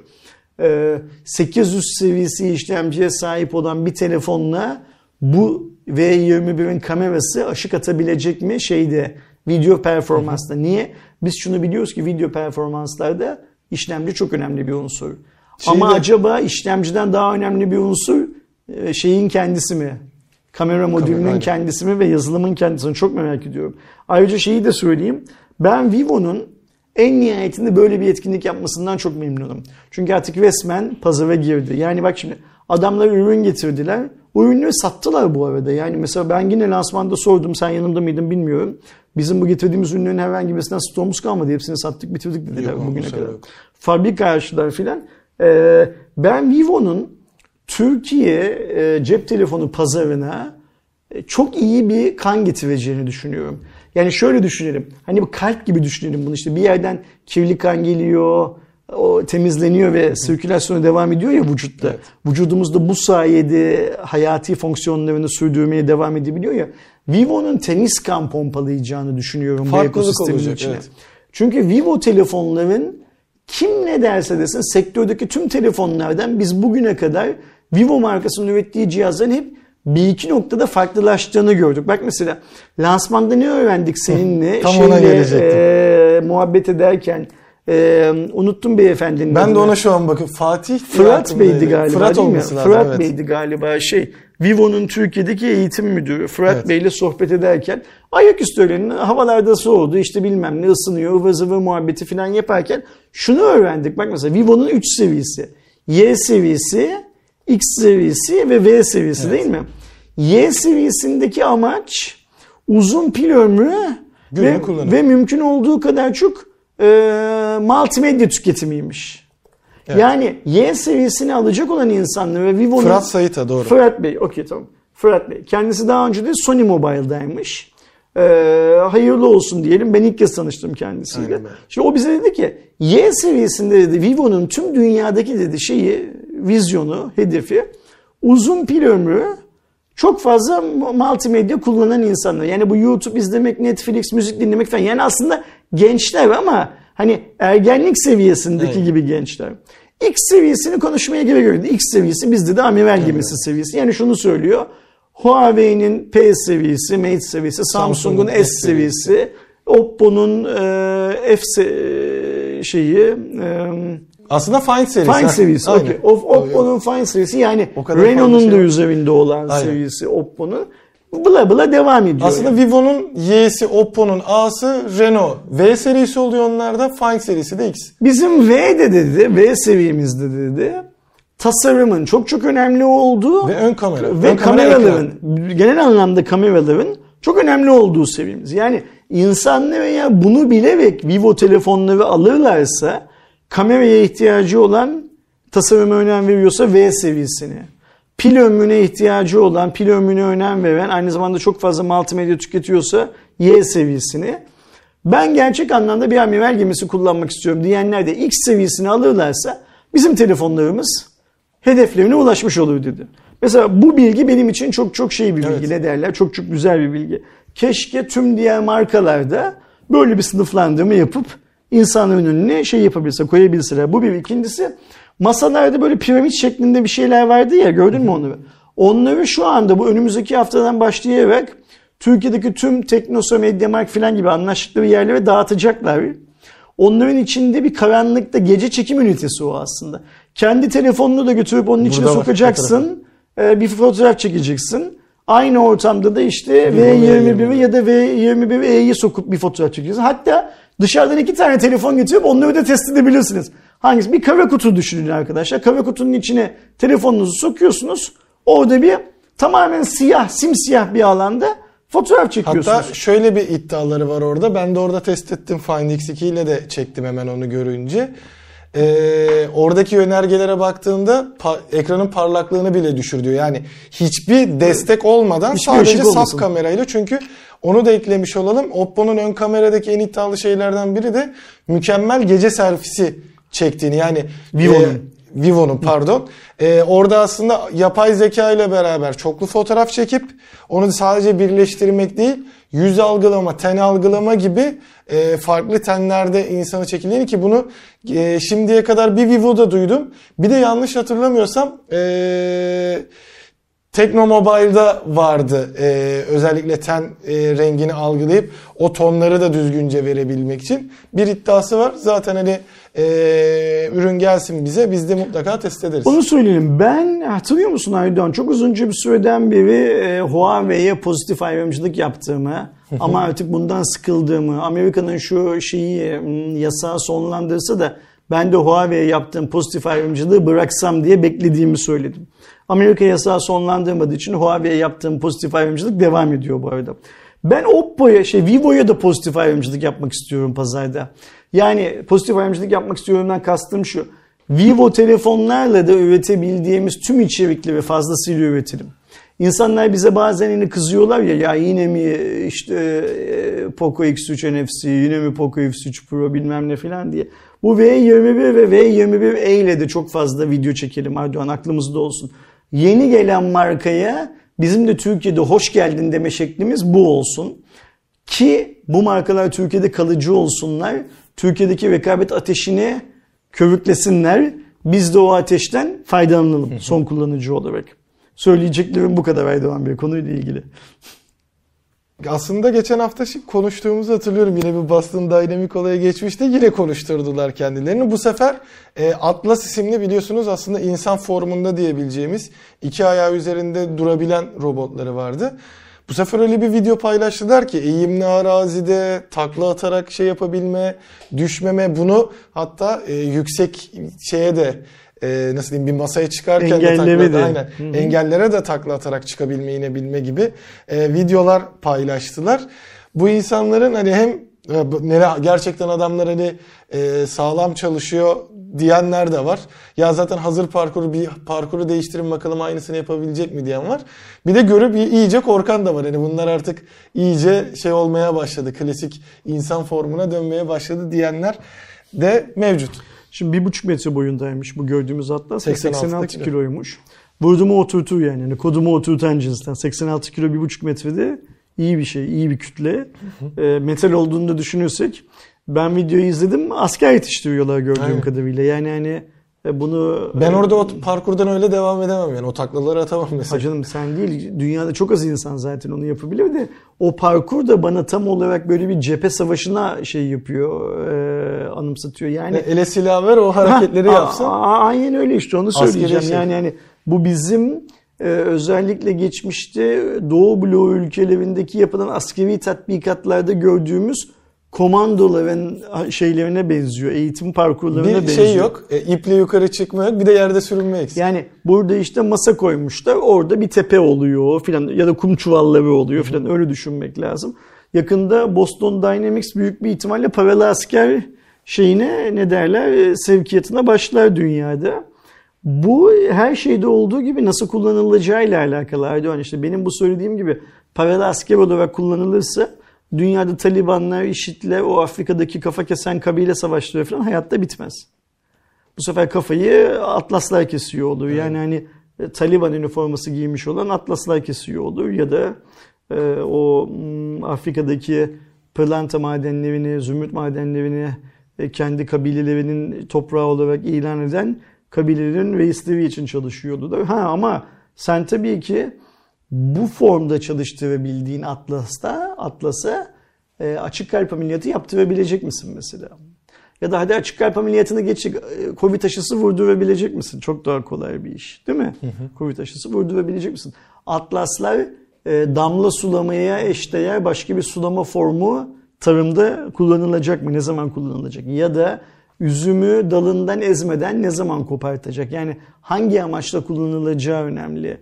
Bizim hani Türkçe'de işte bakarsan bağ olur, bakmazsan dağ olur muhabbeti var ya. Boston Dynamics mi karar verecek bunların hangi e, opsiyonda kullanıldığını kullanıcı satın alan mı karar verecek? Yani Böyle şimdi satın alan normlar var. da karar verirse ayrı dert. Boston Dynamic karar verirse ayrı dert. Hani Şimdi satın alan Atlas ve benzeri diğer Boston Dynamics robotlarının yazılımlarını da satın alacak mı? Yani satın alanlar bu yazılımları ekleme yapabilecekler mi? elinde sonunda yaparlar zaten. Hani sonuçta bir yazılım varsa hani her kullanıcı yapamaz ama işte dediğim Software e, varsa aynen. ekleniyor diyorsun yani. Aynen çünkü senin e, klasik işte yazılımda da ya da dijital taraftaki bir söz vardır ya bir engel koyulabiliyorsa onun illaki bir aşma yöntemi de vardır. Yani mesela biz e, gelecekte e, atlaslardan seri katil mi göreceğiz? Atlaslardan öğretmen mi göreceğiz? Önemli olan İkisi de görülecek no- bence. nokta bu aslında şey anlamında. Ve bu ikisi de görülecek diyorsun ya. e, işte Terminator filan filan gibi filmlerde bize aktarılan gibi robotların kaba tabiriyle kullanmıyorum ama kibarca çizgiyi aştıkları normlarda insanların robotlarla mücadelesini mi göreceğiz? Yoksa robotların çizgiyi aşmasına şey verilmeden, izin verilmeden bazı insanların da o çizgiyi aşmalarına, teşvik etmelerine e, öne alınarak robotların insan hayatını kolaylaştırdığını mı göreceğiz? Güzelleştirdiğini mi göreceğiz? Benim için şey bu ana nokta bu. Geçen hafta sen Boston Dynamics'in bir robotunun fiyatını söylemiştin ortalama. Ee, 80 bin dolar civarında mı demiştin? Yok 20 falan 20 bin gibi. lira. O da Yirmi- köpek gibi olanıydı. zaten. 20 bin dolar bile olsa ucuz bir şey değil. Yani şu an dünyada herkesin birer tane alabileceği bir şey değil. Aynen. Ama nitekim e, Boston Dynamics bugün satmaya kalksa başlasa ticari olarak alacak binlerce de adam var bu robotları. Evet. O yüzden de hani şey e, var. gel- 74.500 diyorlarmış şey Gel, içinde. geldiler Atlas'a mı? Atlas'a. Atlas'a okey. Geldiler mi, geliyorlar mı, gelecekler mi falan düşünmenin artık şeyi yok, zamanı yok. Bu adamları yani bu Atlasları ve diğerlerini nasıl şey yapacağız? Ee, planlayacağız. Şu anki dünya medeniyetinin içine nasıl sokacağız bu adamları? Onu şey yapmanın zamanı geldi ve gördüğüm kadarıyla tüm dünyada bu konuyla ilgili muazzam bir şey var. Şaşkınlık var. Yani Boston Dynamics ve benzeri şirketlerin hızıyla etik değerleri oluşturabilecek konsüllerin hızı aynı değil. İnsanlık çok geride daha- kalıyor. evet, Boston biraz daha Boston hızlı. Dynamics ve benzeri şirketler çok daha hızlı ilerliyorlar şu anda. Bu hız aradaki hız farkı, hız senkronizasyonsuzluğu sorun yaratır mı? Mutlaka yaratacak bazı sorunlar. Bakalım göreceğiz yani. Buradan da insanlık bir tokat yiyecek büyük bir ihtimalle. Ama nasıl bir tokat yiyecek? Yani o tokat böyle baba şefkati gibi bir şey mi olacak? Yoksa Osmanlı tokatı gibi bir şey mi olacak? Onu göreceğiz. Ve ben sana bir şey söyleyeyim mi? Biz, bizim ömrü hayatımızda biz bunu ilk gör- görürüz. Bir o eksik. Yani ben bir en az 30-35 yıl daha yaşarım diye planlıyorum. Ee, Allah izin verirse diyelim. Biz görürüz bunu yani. Yani ya şeyi yine aklıma geldi hani biyo eksikliği deyince Ee, gerçekten hani tabii çok eski tarihlerdeki şeyleri bilemiyoruz ama dünyanın e, üzerine gelmiş birçok böyle farklı şeyi görebilen 90'lar nesli ayrı bir şey olacak yani. Ee, özel bir nesil olarak gidecek gibi. Bakalım artık hani burada görürsek artık iyisini görelim bari de Aa bak ne güzel olmuş falan diyelim. Sonrasında e, nasıl bir şey olacaksa ya ben burada işte dediğim gibi şimdi birazcık yapay zekasından çekiniyorum ediyorum ama ben bu geçeceğimiz haberi tam olarak anlamadım Aydoğan. Bu haberi bir bana doğru düzgün anlatsana. Hemen. Ee, şöyle bir durum var. Türkiye'de Laykon Bilişim Operasyon Direktörü olan e, Alev Akkoyunlu özellikle bir bülten üzerine konuşulan bir durum. Özellikle Netflix hesaplarının paylaşılan hesapların e, işte bir süre sonra ucu açıldığı için e, Dark Web'de 4 lira gibi bir fiyata çok daha düşük fiyatlara satılıp oradan alıp kullanabileceğin e, durumda olduğundan e, bahsediyor. Zaten ben tam bilmiyordum ama e, sen üzerine konuşurken söyledin. E, Lycon Bilişim'de burada Bitdefender'ı Aynı e, getiren yani. marka. Alev Hanım'ı ben tanıyorum kişisel olarak Alev Akkoyunlu'yu. Kendisi çok uzun zamandan beri bu e, sanal güven, siber güvenlik konusunda faaliyet gösteren şirketlerin yöneticiliğini yapıyor. Son birkaç yıldan beri de işte Lycon Bilişim dediğimiz Bitdefender Türkiye diye de isimlendirebileceğimiz şirketin yöneticilerinden bir tanesi. Şimdi Alev Hanım şunu mu söylüyor? Bazı Netflix hesapları çalınmış ve bunlar Dark Web'de 4 liraya satılıyor mu diyor. Yok çalınmıştan ziyade e, bu işte paylaşım sisteminde hani insanlar işte özellikle M4K izleyebilmek için işte 4 arkadaş birleşiyor bir tane hesap kullanıyorlar. 4 Burada- arkadaş bir Netflix'e giriyorlar. Aynen. Aynı zamanda şey de oluyor mesela diyelim. Arkadaşı ya iki dakikalık bir şeyi izleyecektim. Bir diziye bakacaktım. Bir hesabını alabilir miyim? E, döngüsüyle yayla yayla alakasız bir kişiye de geldiğinde adam en azından 4 liraya falan satarım bu hesabı diyerek hesap bilgilerini Dark Web'de paylaştığı bir döngü olduğunu. Çünkü Netflix'in bu konudaki en büyük dezavantajı iki adımlı doğrulama gibi bir şey yok. E, ben de mesela e, tam üzerine de denk geldi zaten. Ya ne zamandır Netflix şifresini değiştirmiyordum hani şu anda uluslararası çünkü bana en azından şey geliyor mail geliyor şurada giriş yapıldı konum mu diye. En son Hollanda Belçika bir ara böyle e, doğu tarafında bir ülke falan görmüştüm. Bayağı bir internasyonel olmuştu. O yüzden dedim buralara da düşme ihtimali var. Bir en azından bir şey yapayım. E, şifre değiştirip e, tüm cihazlardan çıkış yap yapayım diyerek. Şimdi ben bu de haber internette Netflix hesapları Dark Web'de 4 TL'ye satılıyor filan Orada gibi evet yer çalınmış gibi bir algı da Şimdi var. Alev Hanım bunu söylemiyor. Netflix'in de biz hesapları çaldırdık filan gibi bir şeyi yok, e, açıklaması yok. Alev Hanım şunu söylüyor değil mi? Eğer diyor siz kişisel olarak kendi bilgisayarınızın güvenliğini sağlayamazsanız Netflix hesabınız elden ele dolaşıp sizden habersiz bir yerlerde 4 liraya satılabilir diyor değil Evet. mi tam olarak? Okey tamam yani buna bir şey yapalım ne derler açıklık getirelim yani ve legal olarak açıklanmış bir şekilde Türkiye'de e, çalınmış Netflix'ten çalınmış herhangi bir e, kullanıcı adı vesaire vesaire gibi bilgi yok. Evet. bunu iddia eden bir güvenlik şirketi de yok. Sadece her bireyin kendi sanal güvenliğine ne kadar dikkat etmesi gerektiğini, eğer dikkat etmezse hesaplarının çaldırılabileceğini söyleyen Bitdefender Türkiye'nin yöneticilerinden birisi olan Alev Hanım var. Alev Akkoyunlu var değil mi? Evet. Okey tamam. Şimdi anladım haberin ne olduğunu. Çünkü okuyorum okuyorum okuyorum okuyorum. Şöyle çok şeyle de okumuyorum. Şevkle de okumuyorum. Yani başlığı spotu okuyup Allah Allah Netflix niye bu konuyla ilgili bir açıklama yapmamış ki? Alev Hanım nereden biliyormuş ki bu hesapların şeyde e, Dark Web'de satılan 4 lirayı almış mı acaba? Bir telefon açayım da sorayım hani 4 liraya alınıyor mu falan diye düşünüyorum ama anlamıyorum. Şimdi anladım. Okey tamam yani bu bizim e, bireysel olarak şeye ne derler siber güvenliğimize ne kadar önem vermemiz konusunda Evet. Alev Hanım'ın bir uyarısı. Evet orada Şey da zaten atıyor Ale- tavsiyeler Ale- veriyor. Hani Ale- Alev Hanım bize uyarı fişeği atıyor. Aynen. Dikkat edin diyor. Okey tamam süper. O zaman bir sonraki habere geçelim.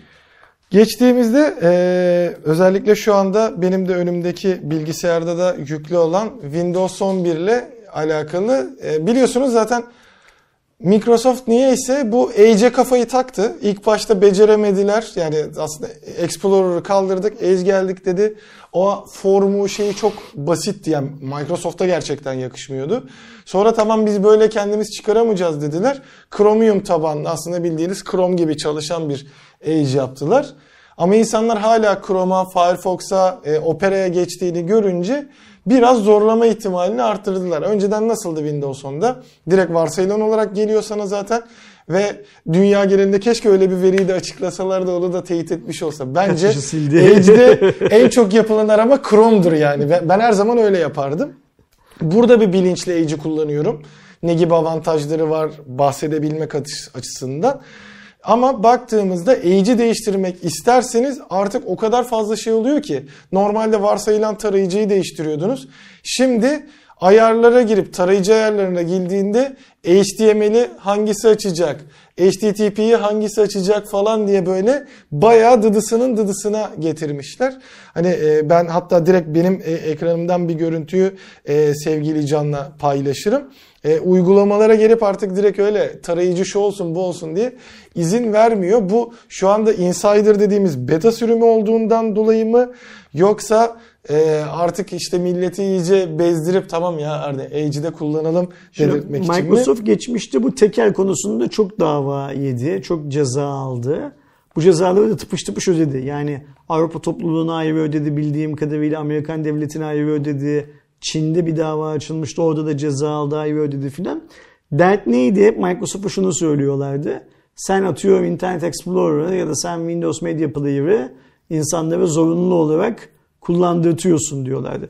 Keza mesela günümüzde Türkiye'de de Google'ın Android cihazlarda Google arama çubuğunu zorunlu olarak kullandırdığı iddiası gibi.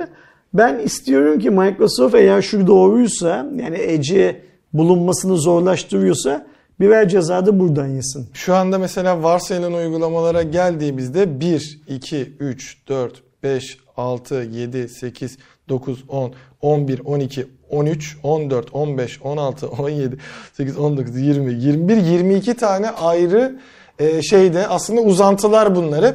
Uzantılarda Chrome'a geçmek istiyorsanız Chrome'a tek tek yetki vermeniz gerekecek. Ha belki burada şeyle çözülebilir. Hani Chrome kurarken zaten sana bir diyor varsayılan uygulama yap diye. Orada bunların hepsini bir anda değiştirebiliyorsak okey. Ama, işte o şu anda zaman tek tek çözümü değiştirmez- e, Chrome üretmiş olacak. Evet, Yani yine aslında e. Microsoft'un zorlaştırdığı işin çözümünü Chrome üretmiş olacak. Bu yapılmayacak bir şey değil. İki satırlık kod tabii ki yapılır ama ben istiyorum ki Microsoft buradan ceza alsın.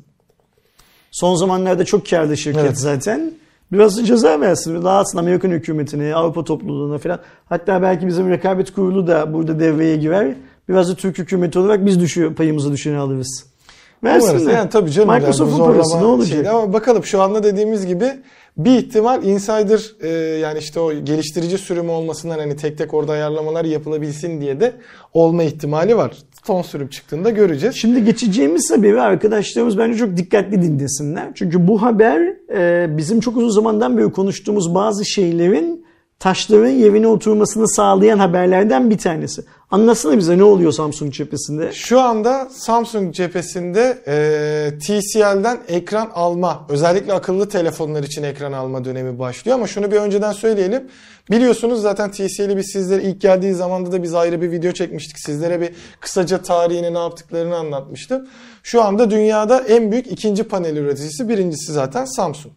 Ve e, TCL aslında yıllardır Samsung'a panel de veriyor ama genellikle LCD panelleri verirdi ve dünyada aslında LCD panelde birinci diyebileceğimiz bir marka TCL.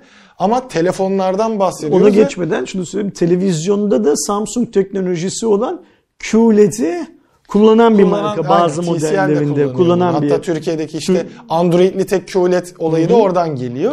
Şimdi TCL ile Samsung arasında zaten e, televizyon tarafında bir böyle ilişki vardı. Hatta geçmişte Samsung şu Çin'in şu Soğu şehrindeki LCD üretim tesislerini de TCL'e satmış. Bak Evet. mesela bunu bilmiyorduk. Ve bu satış karşılığında satışın bir kısmını da TCL'den pay alarak almış. Yani bir para almış. Bir de Samsung TCL'e ortak olmuş zaten.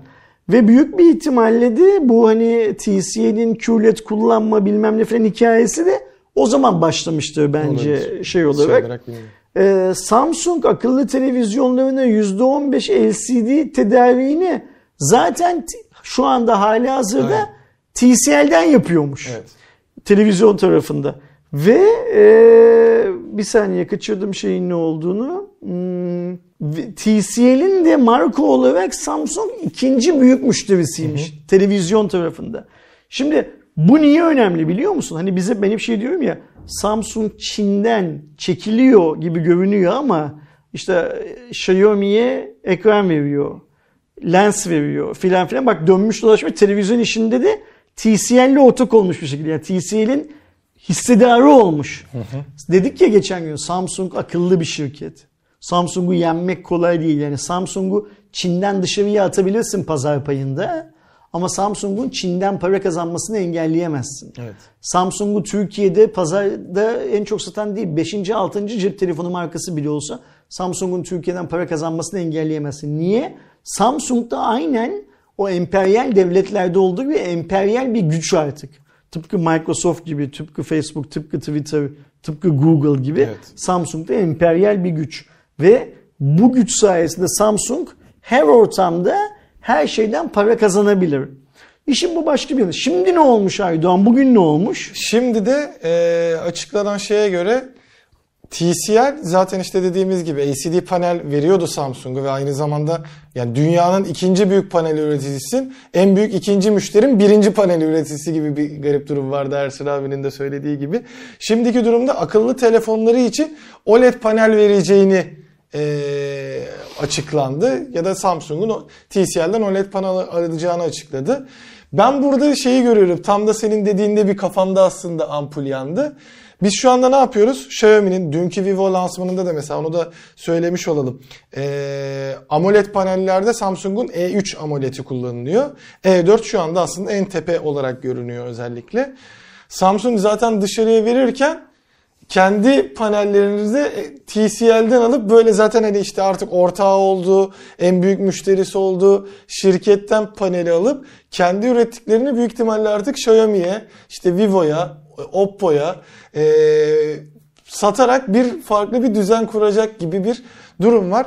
Yani e, ileride işte belki S22'de başlar bilmiyorum orada artık bilgilendirme yapılır mı biz burada bu panelleri TCL'den aldık diye ama önümüzdeki e, Samsung'un en büyük e, avantajlarından biri olan işte OLED paneller, AMOLED paneller aynı zamanda artık TCL tarafından da tedarik edilecek. Burada bir de şöyle bir şey var. Biz bugüne kadar özellikle Çinli markalarda Sharp paneller falan görüyorduk.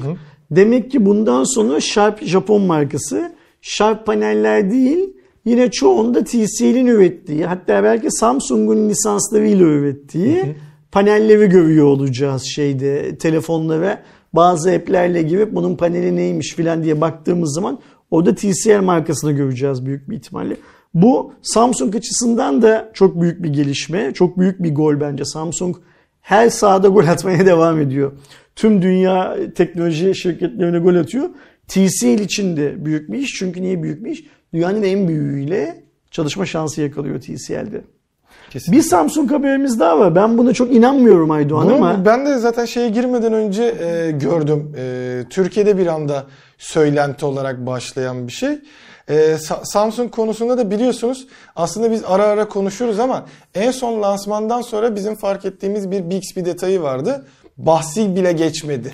Neredeyse. lansmanını söylüyorsun. Evet, evet. Hani sadece e, tanıtım videolarında böyle bir ufak o şeyini gördük diye hatırlıyorum ama lansmanda Bixby'nin adı dahi geçmedi. Samsung ne yapmıştı? İlk Bixby diye bir e, sesli asistan üretti. Bunun üzerine çok S8 gitti. ile çıktı ilk la- şeyi. Dedike şey yaptı. e, Tuş yaptı bunun için. Ve e, bu durumda O da tuş S8'lerde başka işleve atanabiliyordu. Sonra bir güncelleme ile başka işleve atanmasını Evet. da engellemeye kalktı. Yani bayağı Bixby'ye önem verdi Evet, yani. Yıllarca önem verdi. Hatta bu e, aslında asıl amacının telefondan ziyade SmartThings dediğimiz ekosisteminde olduğunu da anlıyorduk. Özellikle ben e, İFA'daki onların o kendi holünde olduğunda fark ediyordum. Adamlar hani televizyonu, işte e, kliması, çamaşır makinesini falan komple sesle yönetebilmek amadı, amacıyla geliştiriyorlardı. Sonra gitgide bunun ilgisi çünkü e, hep zaten sen Android'sin. Android olduğun için Google Asistan da desteği veriyorsun. Ve Google Asistan gibi oturmuş e, birçok şeyini anlayabilen şey varken kimse çok fazla gitmedi. Zaten uz- uzunca bir sürede e, çok az desteği vardı. Korece, Mandarince ve İngilizce vardı. Geçtiğimiz sene Fransızca, İtalyanca, İspanyolca ve Almanca desteği kazandı ama 2020'de kazanıyor bunu. Yıllardır yaptığın şeydi. Ee, bizim de e, hep aynı örneği veriyoruz. İşte bir not lansmanında bir sene içerisinde Türkçe desteği gelebilecek konusu vardı. Sonradan hiçbir şey olmadı şu anda. Hala da lafı bile Bir ediliyor. sene içinde Türkçe desteğinin geleceği Samsung Türkiye tarafından söylenmişti. Evet. Yani onu söyleyeyim öyle bir Ya, vardı şey, değil. söylenti değildi. Aynen. La- not S8 lansmanında- lansmanında Bixby, S8'in Türkiye lansmanında Bixby tanıtılırken o zamanki e, Samsung Türkiye Mobil e, ülke müdürü, ülke müdürü olan Tansu Bey kısmetse yıl sonunda biz de Bixby'yi Türkçe olarak e, Samsung cihaz kullananlara sunacağız dedi. Evet. Dedi. Yani ben hani bu- mesela not lansmanında da duydum onu kesinlikle. O yıl ama zaten senede iki tane. S8, S9, S10, S, S, S, S, S, S, hala yok. Hala Türk halkı aldığı her Samsung cihazda Bixby'nin geliştirme ARGE çalışmasına para ödüyor. Ama ortada hizmet yok. Bana soracak olursan bu saatten sonra zaten Bixby Türkçe olmaz. Yani Samsung global lansmanlarında bile Bixby'nin adını anmazken kalkıp biz bunu Türkçe'de yaptık bilmem ne filan diye bu işte Yani şey bu- yapmaz. Şu aralar böyle uğraşmaz. bir e, şeylerin olduğu testlerinin bir aydır falan artık hani final teste geçtiğini. Çünkü daha öncesinde şeyi hatırlıyorum. E, ne oldu bu çalışma falan diye sorduğum zaman zamanında Samsung Türkiye'yi e, şu anda hani ilk açıklandığı günden beri bir gelişme süreci var. Ama hani e, öncelikler sırasında önde değil diye de söyleniyordu. Belki şu an önemi alındı. Ya da şey mi dedi marka hani ya dedi işte işte S8'den bu yana kaç yıl geçti yani kaç senedir yapıyoruz bari şunu e, iyi kötü finalize edelim de o kadar arge çalışması boşa gitmesin mi dediler bilmiyorum. Kaldıracaksak da Türkçeleştirme böyle kaldıralım demişlerdi cihazlardan. Türkçe geliyor bir ay sonra Bixby yok. Ama en azından getireceğiz dedik. Getirmiştik. HQ'dan kaldırdılar diye bir durum olabilir. Göreceğiz. Gelirse sürpriz olur. Ama mutlaka da tabii ki e, deneriz. Çünkü şeyi de e, daha öncesinde belki biz burada mı konuşmuştuk? Bir canlı yayında mı konuşmuştuk hatırlamıyorum. Benim e, Samsung klasiği olarak hani her nesilde yaptığım bir yeni özellikleri gösterebilen Good Luck diye bir şey vardı. Bu yakın zamanda bir, bir ay bile olmadı Türkiye'ye açıldı bu servis ve ben hemen S20 Fan Edition'a indirdim. Snapdragon'ın incelemesi gelecek zaten ve e, indirir indirmez şeyi de fark ettim. E, Good da kurdum. Eğer güzel gelişmeler varsa onunla alakalı ayrı da bir video zaten yapacağım. Şeyi de bir sonraki habere geçmeden önce Samsung'la ilgili bir haber daha verelim Aydoğan. Samsung bu arada sistem uygulamalarında bulunan reklamları kaldıracağını açıkladı. Bunu kim açıkladı? Samsung'un mobil uygulamalarından sorumlu olan Roh Tiamon diye bir arkadaş açıkladı. Bir Samsung çalışanı açıkladı. Bu uygulamalar nedir? Samsung'un böyle işte kendi hava durumu, Samsung Pay, Samsung temalar filan gibi. Şeyde de e, Galaxy Apps'te de vardı. Apps'te de vardı. İşte bu community uygulaması filan gibi yerlerde açtığınız zaman Samsung size bir tane Google reklamına benzer, AdWords'e benzer reklam gösteriyordu. Genellikle bu arada aslında kendi reklamı oluyordu ama sonuçta reklam. Yani. Aynen öyle. Ve e, işte bu reklamın e, Samsung'da olmadığını zannedenler de Çinli markaları ya işte Çinli markalar bize reklam gösteriyor bilmem ne filan filan diye şey yapıyorlardı, eleştiriyorlardı. Evet Çinli markalar Realme, Xiaomi filan daha çok gösteriyor Huawei momentum olarak daha fazla gösteriyor ama Samsung da gösteriyor. Evet. Şimdi Samsung aldığı bir kararla bu reklamların tamamını kaldıracağını açıklamış. E, bence bu güzel bir şey. Böylece One UI biraz daha temizlenir. Çünkü o reklamların nihayetinde arayüzün belli noktalarında karşısına çıktığı zaman pislik anlamına evet. geliyor çoğu kullanıcı için. Samsung'un o reklamlardan eğer herhangi bir e, geliri varsa da Samsung için bu çok küçük bir gelirdir zaten. Çok da önemli bir şey olacağını sanmıyorum.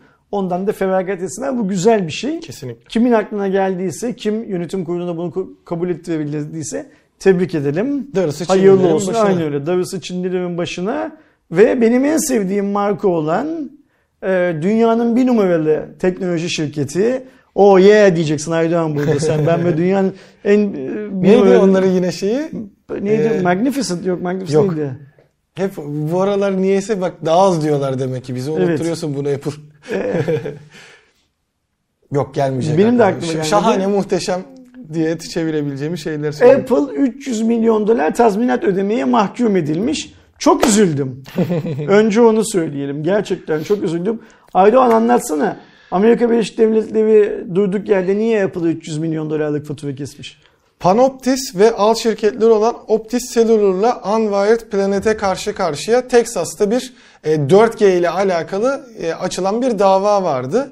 Texas'taki mahkeme de Apple'ın 4G patentlerini bu şirketlerin e, açılan dava sonucunda araştırdıklarını ihlal ettiği gerekçesiyle 300 milyon dolarlık bir tazminat ödemeye e, mahkum etmişti. Etti daha doğrusu etmişti değil. Daha önce de de 500 milyondan e, fazla bu tarz konularda ceza aldığını da e, sizlere... Şeyi söyleyelim. Bu aynı dava daha önce tamamlanmıştı. Hı hı. Ve 500 milyon, ve 500 milyon dolar ceza vermişti mahkeme yapılı.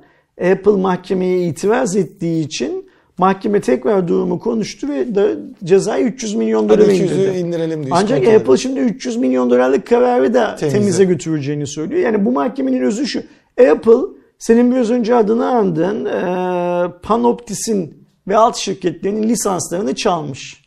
İş bu bu bu, bu kadar. Yani ceza aldığına göre çalmış. Ver, yani. Mahkemenin verdiği karar göre hangi lisanslarını çalmış ya da hangi lisanslarını suistimal etmiş? 4G LTE, LTE patentindeki olan lisanslarını kötü amaçları için kullanmış Apple. Hangi kötü amaçları için kullanmış Tim onu bilemeyiz ama mahkeme ilk önce 500 milyon dolar demiş. Timcim senin cezan abi yapmayın demiş. 500'ü ödeyemeyiz. Çok para falan. 300'e düşürmüşler. Şimdi 300'ü de, dersem 300 olur. 300'ü de şimdi temize götürecekmiş. Buradan kurtulamaz Apple. Bu cezayı öder. Yani o Texas'taki mahkeme Apple'ın gözünün yaşına bakmaz. Ya daha yine inşaatımız var, bina yapıyoruz. Para lazım bilmem ne falan hikayelerine bakmaz yani. Ee, şey yapar ne derler alır o parayı ondan. Ben dediğim gibi çok üzülüyorum böyle. Apple ceza aldığı zaman çok üzülüyorum. Apple'a ceza vermeyin. Apple bırakın canı ne istiyorsa yapsın. Apple bir Elon Musk 2. Onlar canlı ve her şeyi yapmakta serbestler. Çünkü onlar bu dünyayı uhrevi bir yeni dünyaya taşıyacak olan isimler aslında. O yüzden bu adamların lütfen yaptığı tüm ahlaksızlıkları, tüm haysiyetsizlikleri görmezden gelsin dünya. Hiçbirisine şey yapmasın, ceza vermesin. Cuma Erdoğan bu hafta çok güzel bir haberle bitiriyoruz. Evet benim çok bu, çok şaşırdım. Bu liste nerenin listesi bize onu söyleyin. Amazon Türkiye'nin. Amazon Türkiye.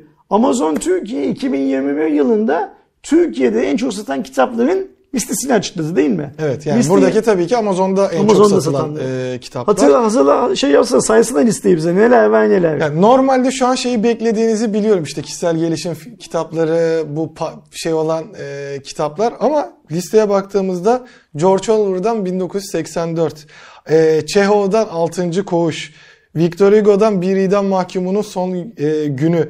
E, Herbert'ten Dün. Hadi bu son dönemde evet biraz popülerleşti. Öyle mi? Dün, Dün popüler mi? Evet şimdi çünkü şeyi de geliyor. Ha, film yüzünden. Filmi geldiği için bir popülerleşti.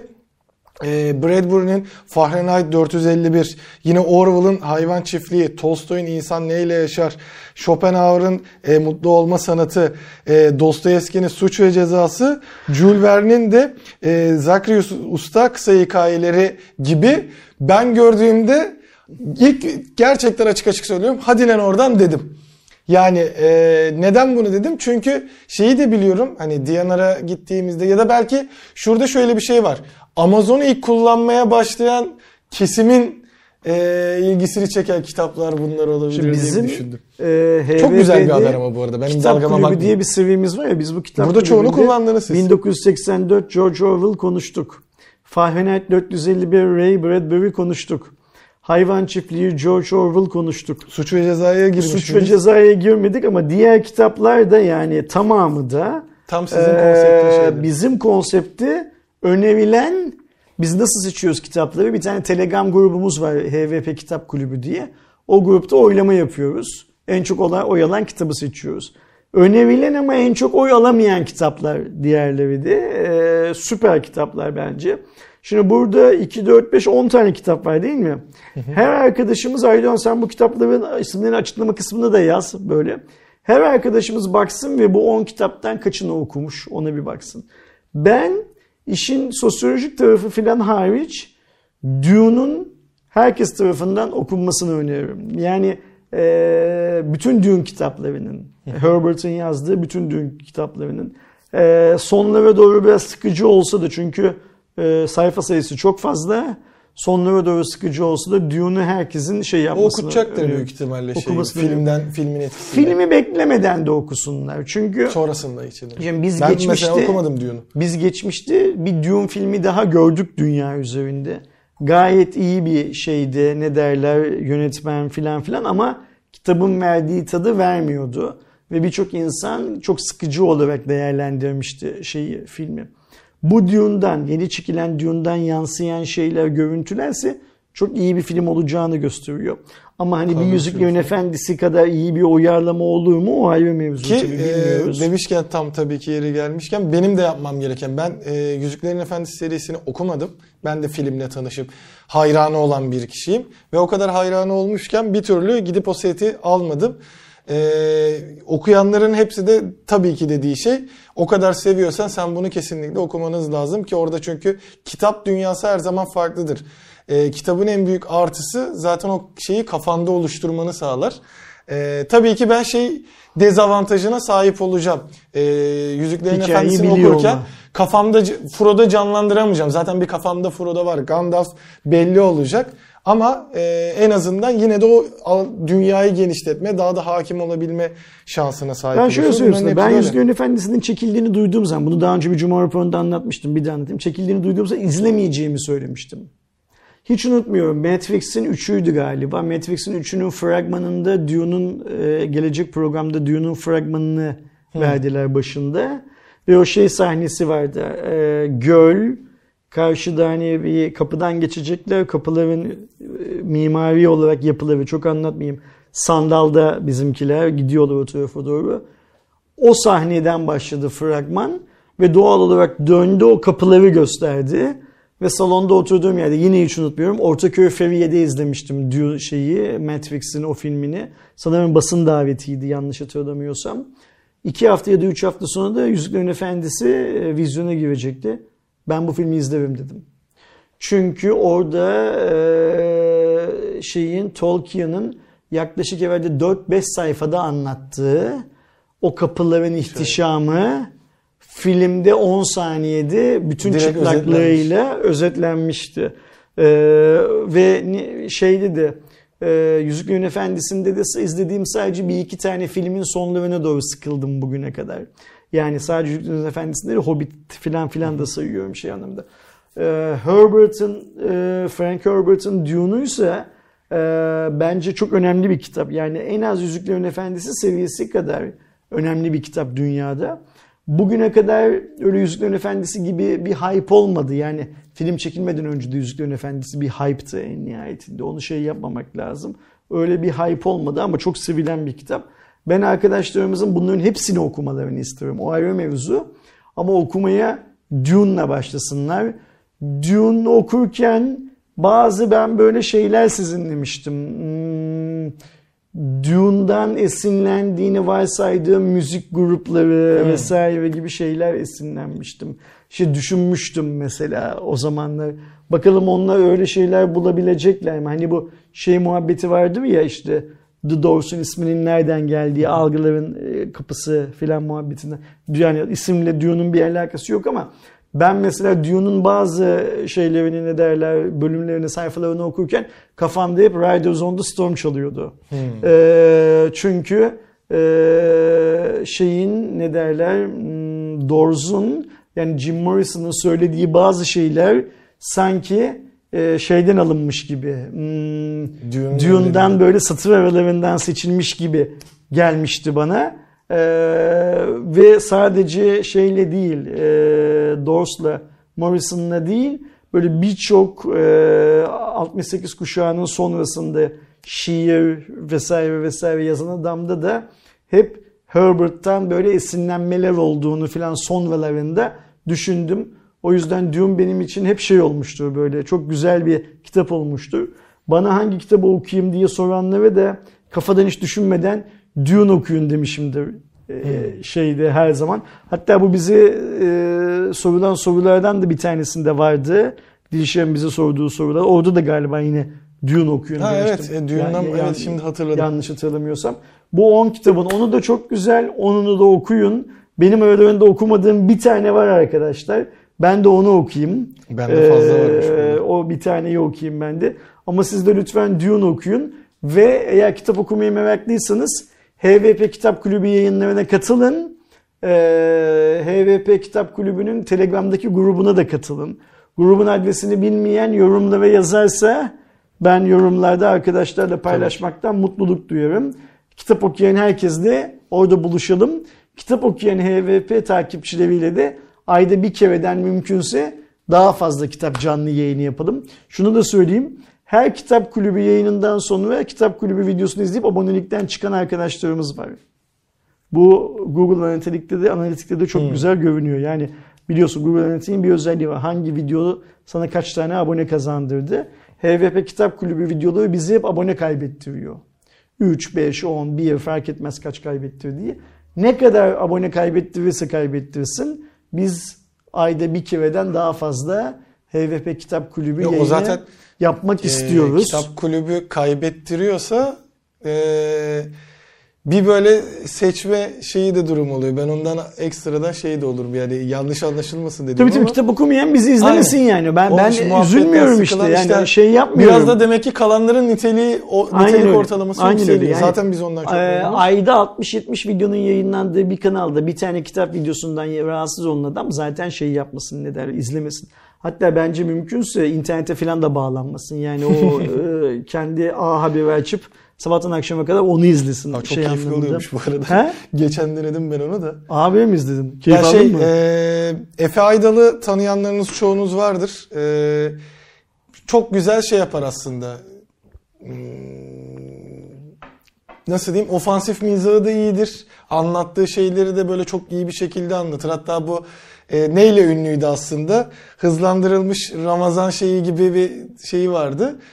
Onu çok seviyorsanız ve onun kafasını anlayabiliyorsanız en azından size irite etmiyorsa söyledikleri şeyler rahatsız etmiyorsa o kafayla izlediğinde çok keyifli yani bir Efe Aydal'ı izliyormuş gibi oluyorsun böyle. o açıdan keyifliydi bir 5-10 dakikalık. Bu şey cuma raporunu A Haber'le kapattığımız için hepinizden ayrı ayrı tek tek özür dileyerek Cuma raporunu kapatalım. Hedefimiz aslında bu 10 tane kitapla kapatmaktı. Ama işte araya bir şekilde A Haber'i de sıkıştırdık. Bu da bizim ayıbımız olsun. Yani böyle bir şey yapmak da bizim ayıbımız olsun.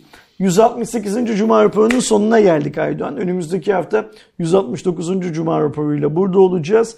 Kısmetse 169. Cuma raporunu çektikten sonra ben belki kısa bir süre tatile çıkabilirim.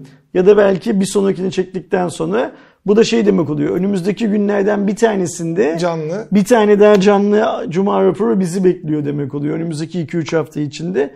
Ee, ama ona gelmeden önce gelecek hafta 169. Cuma raporunda arkadaşlarımızın karşısında oluruz. Ve inşallah hepsi burada gitti gidiyor vesaire vesaire gibi Ve hatta DNR Remzi Kitabevi filan gibi kurumlar da 2021 yılında bugüne kadar en çok sattıkları kitapların listelerini Ben diğer açıklarlar. listesini merak ediyorum. Biz de o listeyi de izleyenlerimizle Cuma raporunda Ve böyle bir liste çıkar umarım. 169. Cuma raporunun içinde de inşallah yine bir şekilde kitap olur. O Cuma raporunda buluşuncaya kadar kendinize iyi bakın arkadaşlar. Hoşçakalın. Hoşçakalın.